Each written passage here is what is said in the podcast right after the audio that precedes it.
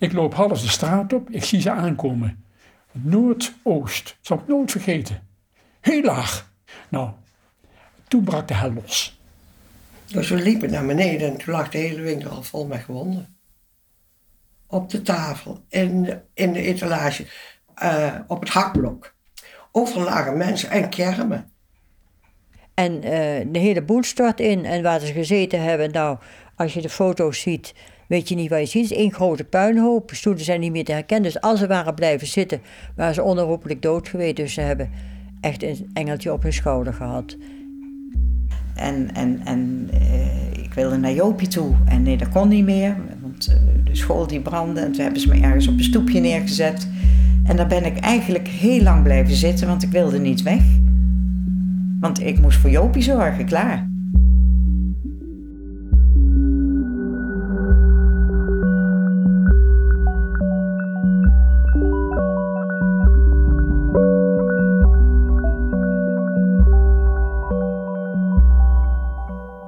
22 februari 1944, midden in de Tweede Wereldoorlog, wordt Nijmegen gebombardeerd door Amerikaanse vliegtuigen. In een paar minuten tijd wordt een groot deel van het oude historische centrum van de stad weggevaagd.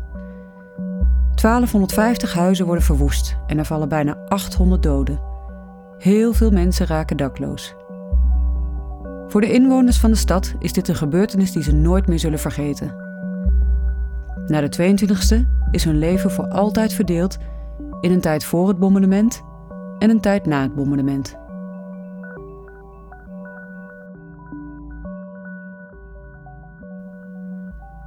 Frans, Ria, Hanny en Addy maken het bombardement allemaal mee.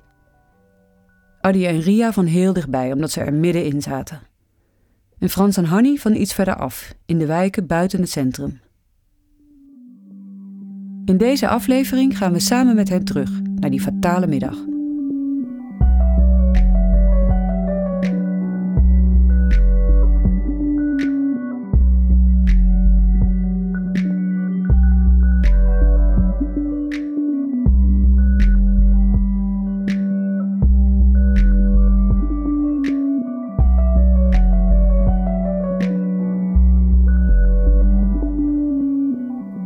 Vorige aflevering hebben we Ardi, Ria, Hanny en Frans achtergelaten op het moment dat de Amerikaanse vliegtuigen terugkomen vanuit Duitsland en boven Nijmegen de eerste bommen laten vallen.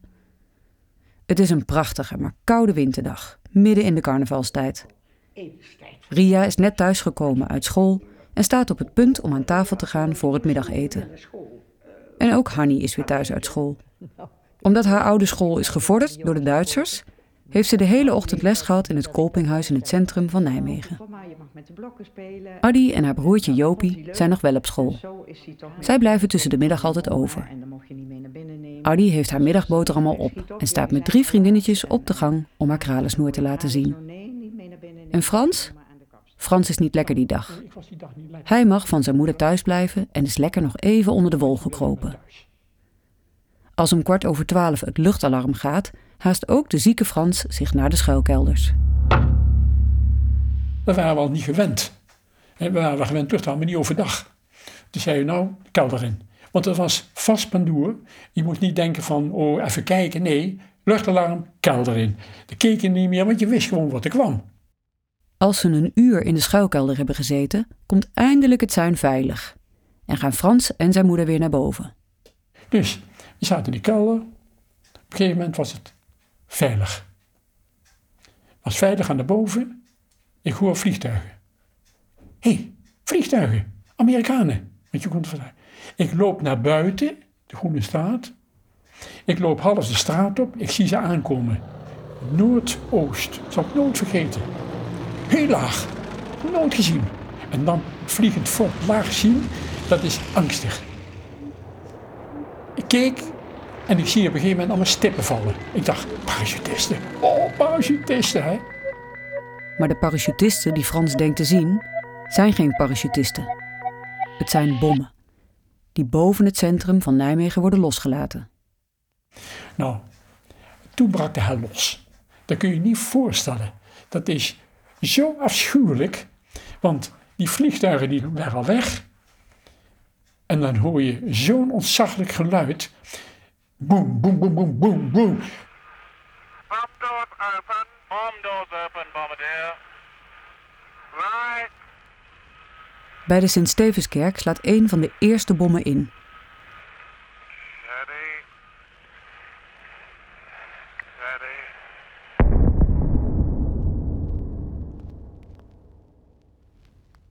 Dat is precies wat Ria van de slagerij Martens ziet als ze samen met vader en moeder en opa de keuken boven de slagerij binnenloopt. Een hele grote oranje bal die zich midden in de toren van de kerk boort. In paniek draait de familie zich om en haast zich weer naar beneden. Dus we liepen naar beneden en toen lag de hele winkel al vol met gewonden. Op de tafel, in de, in de etalage, eh, op het hakblok. Ja, slagerij in het hakblok. Uit eh, gerukte deuren. Overal lagen mensen en kermen. Er zat een meisje, die heeft mij zo'n indruk gemaakt. Die zat tegen de koelzak met de knieën omhoog. En die hele knieschijf was eruit. En dan als slagersdochter zijn, dan dacht ik, dat moet bloeden. Nee, er zat geen bloed aan. Maar snap je, als kind, dan zie je eigenlijk in, in detail. Ja, dat zie je allemaal. Dat is. Dat is. Ria kan haar zin niet afmaken. Ze heeft haar verhaal al zo vaak verteld. Maar toch grijpt de herinnering haar nog steeds naar de keel.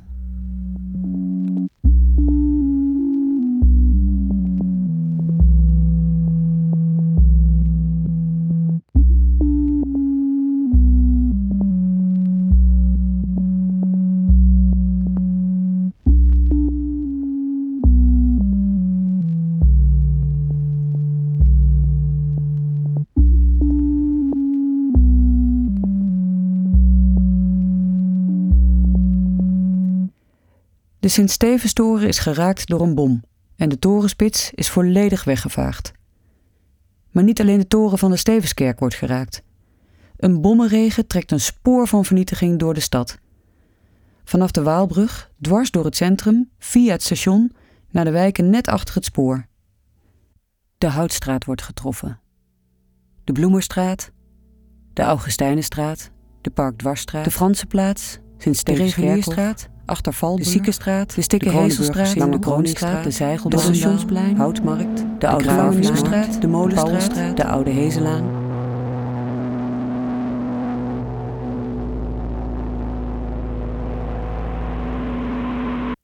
In de Molenstraat slaat een bom in op de Petrus Canisiuskerk, waar op dat moment het 40-uren gebed gaande is. Theo, Hannies man, is hier samen met zijn broer Henk aan het bidden. Was 40 uren gebed. En dat was in de katholieke kerk de gewoonte om met carnaval, dat was het, dinsdags voor als woensdag was carnaval, eh, om de monstrans uit te stallen en eh, met de hostie. En dat houdt in dat dan ook 40 uur aanbidding moet zijn.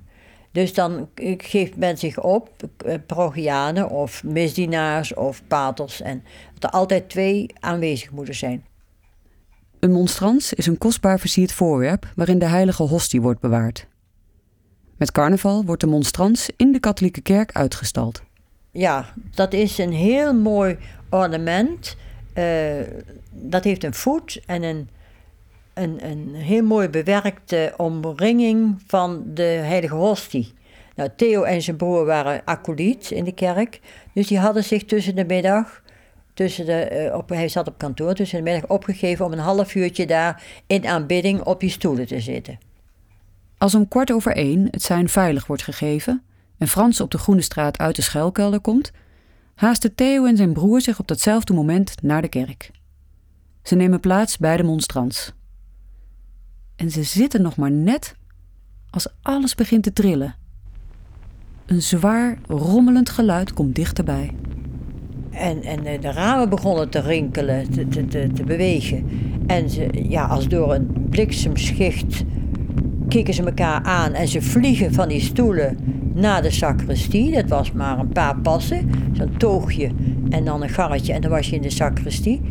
Dat hebben ze gedaan en ze zijn in de sacristie en de bommen vallen op de, op de kerk.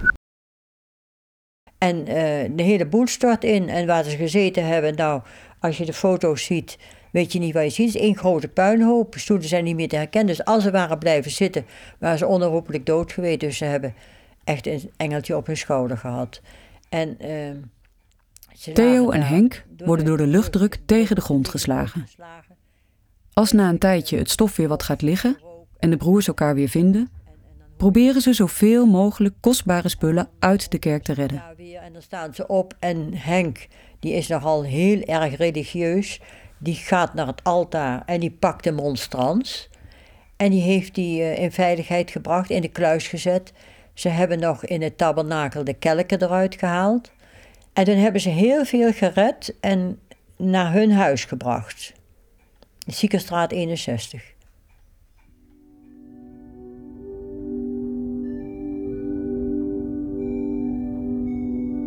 Er is een bom ingeslagen in de Sint-Stevenstoren. Er is een bom ingeslagen in de Petrus Canisiuskerk. En tegelijkertijd slaat een paar straten verderop een bom in bij de Montessori Kleuterschool aan de Lange Burgtstraat. Waar Addy juist op dat moment vol trots haar kralensnoer laat zien aan drie vriendinnetjes. De school wordt vol getroffen.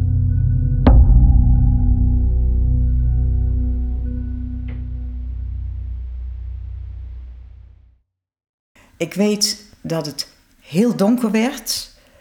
En eh, een tijdje ben ik denk ik ook weg geweest. En eh, nou ja, op een gegeven moment toen kwam ik toch weer een beetje bij mijn positieve. En ik voelde iets op mijn benen liggen. En ik zei, zuster, ik ben mijn schoen kwijt. en toen zegt ze, bid maar een weesge groetje. en ik hoorde echt de zusters ook bidden, hè. van. De Heer is met u. Gezegend zijt gij boven alle vrouwen, en gezegend is de vrucht van uw schoot. Heilige Maria, Moeder van God, bid voor ons zondaars, nu en in het uur van onze dood.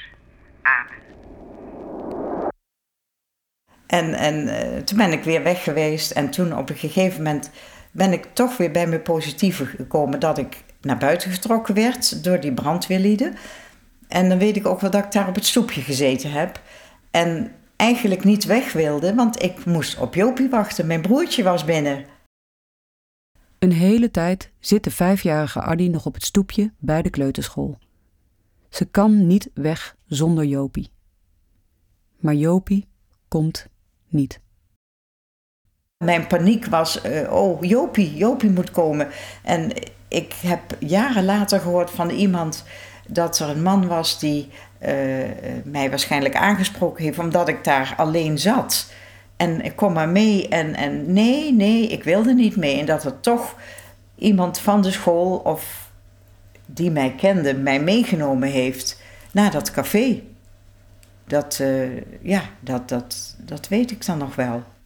Uiteindelijk wordt Addy naar een café in de Burgstraat gebracht. En hier wacht ze samen met andere kinderen die uit de kleuterschool zijn gehaald op haar ouders. In de stad is het ondertussen al één grote chaos. Alles ligt in puin. Overal liggen doden en gewonden. En zoals Joost Roosendaal ons weet te vertellen, breekt er tot overmaat van ramp ook nog brand uit. Er ontstond brand. Nadat de bommen vielen, ontstond er brand, een eh, enorme vuurzee uiteindelijk.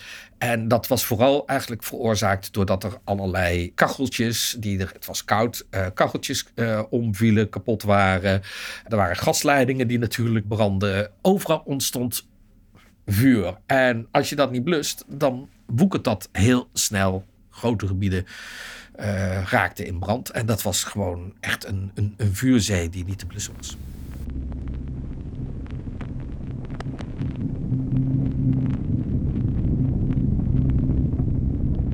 Alles stond te licht te laaien. En of dat heet is. eh, eh, V&D, de HEMA. Ik heb meisjes uit de eh, bovenste verdieping zien springen.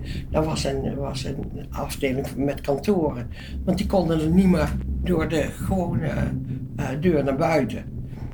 Ja, en dan vragen ze wel eens, heb je dat dan ook gezien dat ze dood waren? Ja, de- de- dat ging je niet kijken, alles was, alles was kapot. En een immense eh, vuurzee. En zo heet. En ook die stank. Ja, dat zal ik nooit vergeten.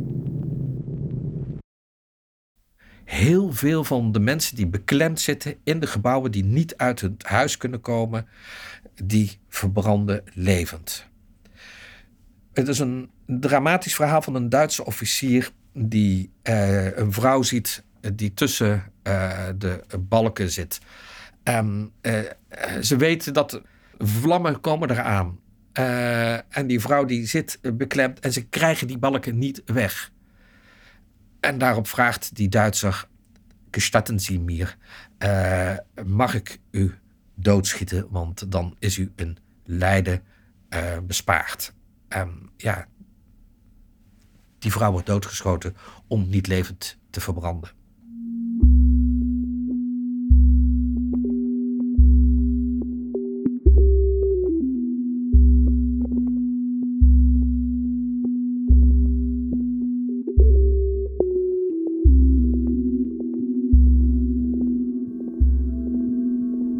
Stationsplein vallen de bommen. Door het luchtalarm van kwart over twaalf is al het openbaar vervoer stilgelegd. Als een uur later het sein veilig wordt gegeven, komt het verkeer weer op gang. En terwijl Frans op de Groene Straat uit de schuilkelder komt en Theo en zijn broer zich naar de kerk haasten, staan op het stationsplein tramlijn 1 en de bus naar Wiegen klaar voor vertrek. Beide volgepakt met mensen. Ze worden doorzeefd met splinters. Er komen bijna 80 mensen om en het hele plein ligt vol met slachtoffers.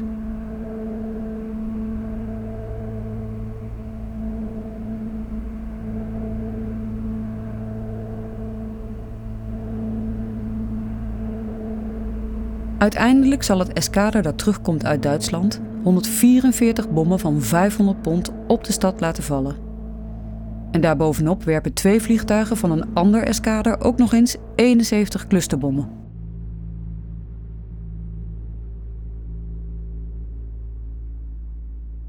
Het eskader dat bestond eigenlijk vooral uit vliegtuigen die, die zware bommen hadden. Die 500 ponders, die beukers. Daar is de Stevenskerktoren ook door geraakt. Maar er waren twee vliegtuigen die hadden in het moeite om die formatie te vinden. Die hadden zich aangesloten bij dit eskader en die hadden een ander soort bommen, namelijk clusterbommen, splinterbommen. En dat waren bommen die, als ze uit elkaar spatten, heel veel kleine scherfjes geven. En uh, ja, daar verwoest je geen gebouwen mee, sticht je ook geen brand mee. Maar die zijn vooral wel heel uh, ja, verwonde en dode mensen. Dat is ook een van de redenen waarom dit soort wapens tegenwoordig op de lijst van verboden wapens wordt ge gerekend. En die clusterbommen, daar, die vliegtuigen, daar waren er dus twee. Eén gooit zijn bommen bij het stationsplein en juist net uh, waar zoveel mensen uh, zijn. Dus uh, trams worden doorzeefd, bussen worden doorzeefd, mensen worden op het plein geraakt. Ehm, het is één grote bloedbad daar.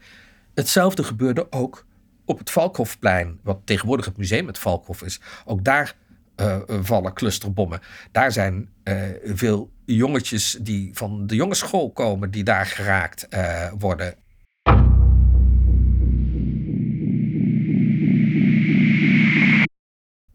Een van deze jongetjes is Henny, de oudere broer van Ria.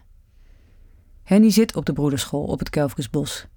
En nadat om kwart over één het zijn veilig is gegeven, mogen de jongens naar huis. Henny loopt met vriendjes uit zijn klas over het Valkhofplein als ze de vliegtuigen terug zien komen. Gefascineerd door die enorme zilveren vogels in de lucht, blijven ze staan kijken. Ja, mijn broer die stond uh, met zes jongens boven aan de voerweg.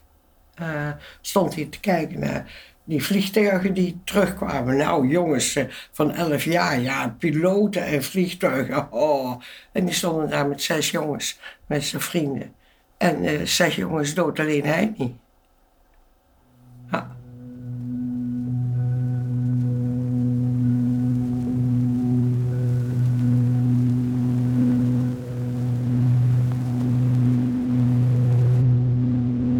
Op de grote markt is dan al brand uitgebroken in de HEMA en de VND. In slagerij Martens wordt er alles aan gedaan om zoveel mogelijk mensen te helpen. Slachtoffers worden de winkel binnengebracht en op het plein worden vergeefse pogingen gedaan om het vuur te blussen. Als Henny uren later nog steeds niet thuis is, besluiten Ria's ouders te gaan zoeken. En toen zijn papa en mama gaan zoeken waar mijn broer. Overal zijn ze naartoe geweest en op het laatst hebben ze hem gevonden, s'avonds om half twaalf, in het uh, Wilhelmina ziekenhuis. Ja. Nou, daar, uh, Als bij een wonder overleeft Henny de splinterbommen. Wel raakt hij ernstig gewond aan zijn rechterbeen. Door de hulpdiensten wordt hij afgevoerd naar het ziekenhuis waar zijn moeder hem s'avonds laat bijna bij toeval vindt. Eh, die had gezien, oh, hij lag onder een laken, maar ze zag de tenen van hem. Dat dat hij niet, dat is. Ja. ja. Maar hij heeft ook eh, moeilijk gehad. Want als ik, ik heb het één keer gezien, toen waren ze hem aan het verbinden. En toen kwam ik onverwachts binnen. En hij had eh, die, die granaten, die slaan hierin en die maken daar zo'n gaatje in. En die komen daaruit. En dan is het zo'n groot gat. En dan gaat het... Ria gebaart hoe de splinters aan de achterkant Henny's bovenbeen zijn binnengegaan en er aan de voorkant weer zijn uitgekomen. Groot gat. En daar was zeg maar een halve uh, dijming was eh, weggeslagen. Je kon zo wat de, de, de, de pijp zien zitten. En eh, eh, dokter Goemans heeft ook gezegd dat die jongen zo goed doorvoed was. Slagerij kwam niks tekort. En eh, dat is zijn geluk geweest.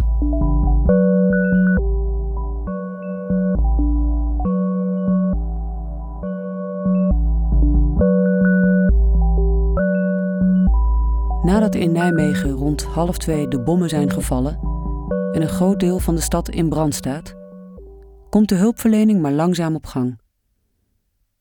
De telefoniste van het hoofdbureau van de politie is tijdens het bombardement dodelijk getroffen.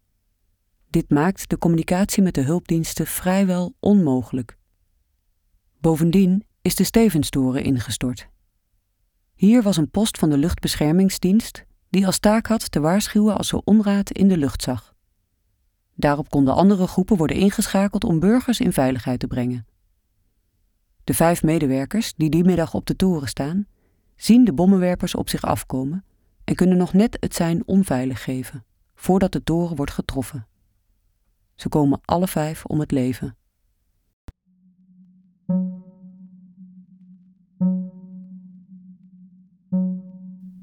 In de stad is dan al op veel plaatsen brand uitgebroken. Maar blussen wordt lastig. De waterleiding was geraakt, de hoofdwaterleiding was geraakt, waardoor er geen druk meer stond op uh, de waterleiding. De brandweer die in actie moest komen, die kon dus niet zomaar overal gaan blussen.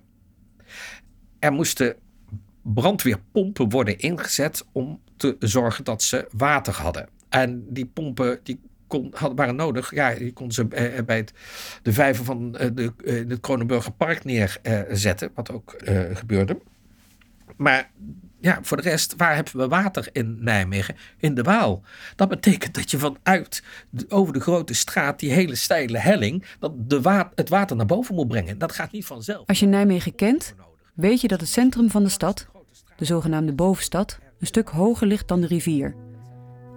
Om dit hoogteverschil te overbruggen plaatst de brandweer verschillende pompen op de Waalkade en in de Grote Straat, die van de Waalkade naar boven loopt. Toch is dit niet voldoende om de waterdruk genoeg op te voeren. Op oude foto's van de Grote Markt zie je de brandslangen uitgerold liggen. Plat, omdat er niet genoeg waterdruk is. Ondertussen slaat het vuur uit de ramen van de HEMA en de VND. In deze chaos ontdekken de ouders van Adi dat ook de Montessori kleuterschool in brand staat.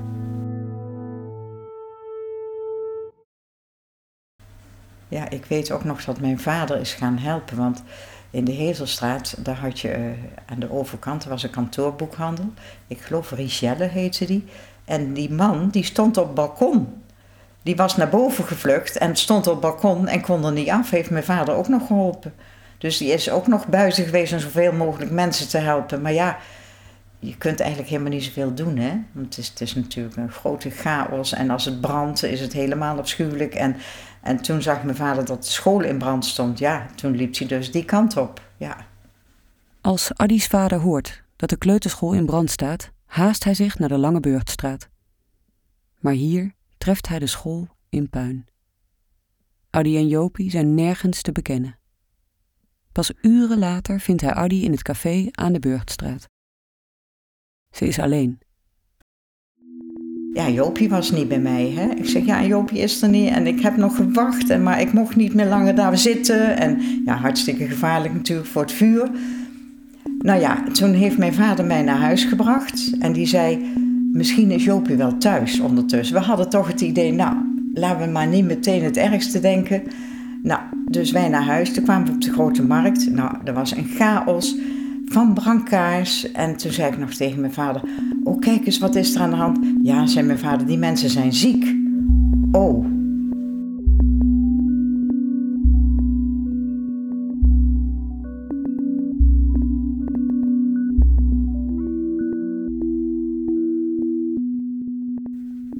Als ze zich eindelijk een weg hebben kunnen banen door de hectiek in de stad en een huis in de stikke Hezelstraat bereiken, is daar niemand meer. Ondertussen moest mijn moeder met de kinderen dus het huis uit. En die zijn gebracht bij familie Smit op de Grote Markt. Die hadden een leerhandel. En dan mochten we dan, ik denk één nacht verblijven of zo. In ieder geval, daar werd ik naartoe gebracht. En nee, Joopje was er dus niet. Nou, dat was natuurlijk verschrikkelijk, hè. En, uh, Vader gaat meteen weer op pad om Jopie te zoeken. Ja, die ging zoeken. Het rampgebied is dan al afgezet door de politie om plunderingen te voorkomen. Addy's vader mag er niet door. De volgende dag lukt dat wel. En dit en dat is hij daar gaan zoeken. En toen vond hij een stukje van zijn schoen. Hij, had, hij droeg hoge schoenen omdat hij heel vaak viel. En toen wist hij het zeker. Van, oh, hij is er niet meer.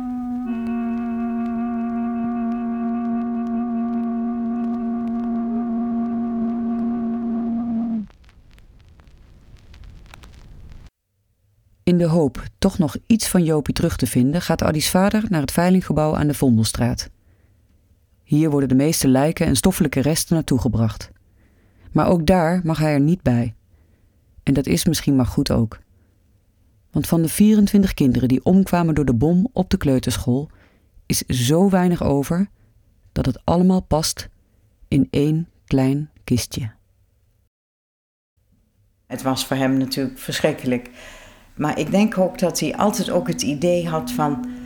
het kan niet zijn dat hij zomaar weg is. Dus hij had ook altijd, een, als hij maar een kindje zag die op Jopie leek... dat hij dacht, hé, hey, zou die dat niet zijn? Want misschien, en dat zei hij tegen ons... ik denk dat hij beslist met een tante meegenomen is. Maar ja, goed, dat was natuurlijk niet zo.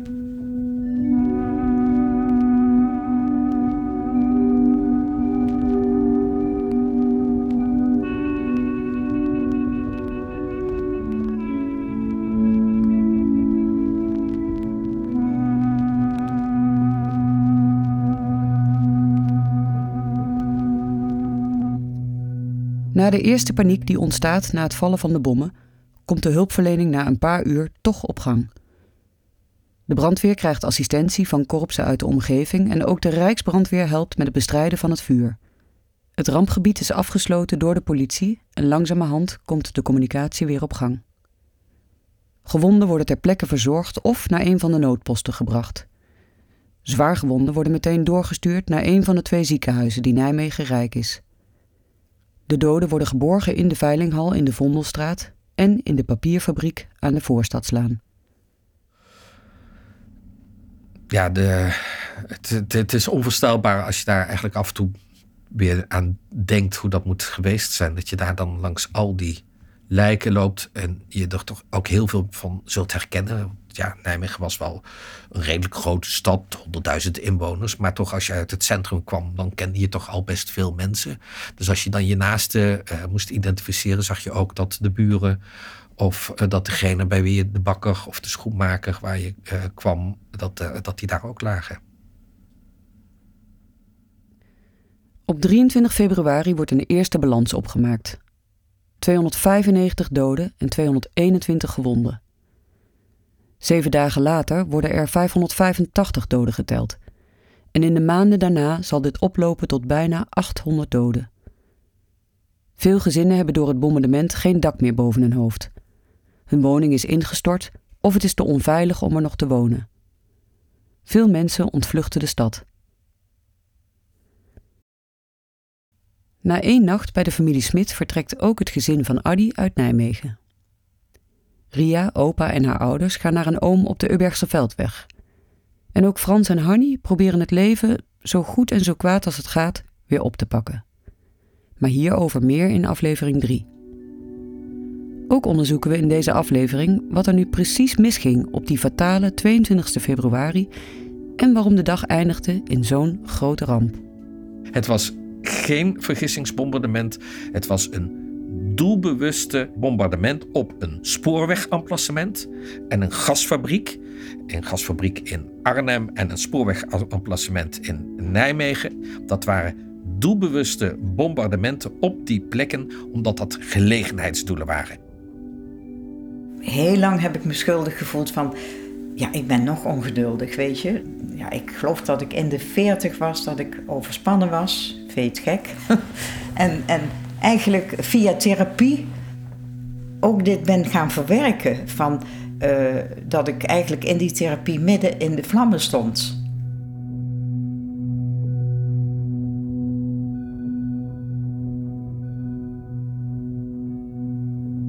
Ben je benieuwd hoe het Addy, Ria, Hanny en Frans vergaat na het bombardement? Luister dan ook naar de laatste aflevering van het bombardement op Nijmegen. Nu te vinden in jouw favoriete podcast-app. Wij maakten bij deze podcast ook educatief lesmateriaal voor het primair en voortgezet onderwijs. Werk jij in het onderwijs en wil je aan de slag met de Tweede Wereldoorlog en het bombardement op Nijmegen? Kijk dan even op de website www.bombardementopnijmegen.nl. Hierop vind je verschillende lesbrieven, alle afleveringen van de podcast en meer informatie over de geïnterviewden. Het bombardement op Nijmegen is een podcast van mij, Annegie de Winter en Sonja Willems. Sonja schreef het script en deed de montage. Mixage en sounddesign Thijs Jacobs. Dramaturgie Patrick Feijen. Met grote dank aan Adi Gerrits Hendricks, Ria Roosendaal Martens, Frans Verheijen, Hanni Schoonwaterschel, Joost Roosendaal. En ook Bart Jansen, Maarten de Winterbevers, Bas Rijnen, Gerard Verschoten en Wil Brouwers van Twin Sound Studios. Dennis Gaans danken wij voor de toffe begeleiding. Deze podcast werd financieel mogelijk gemaakt door het V-Fonds, het Prins Bernhard Cultuurfonds, de gemeente Nijmegen en provincie Gelderland.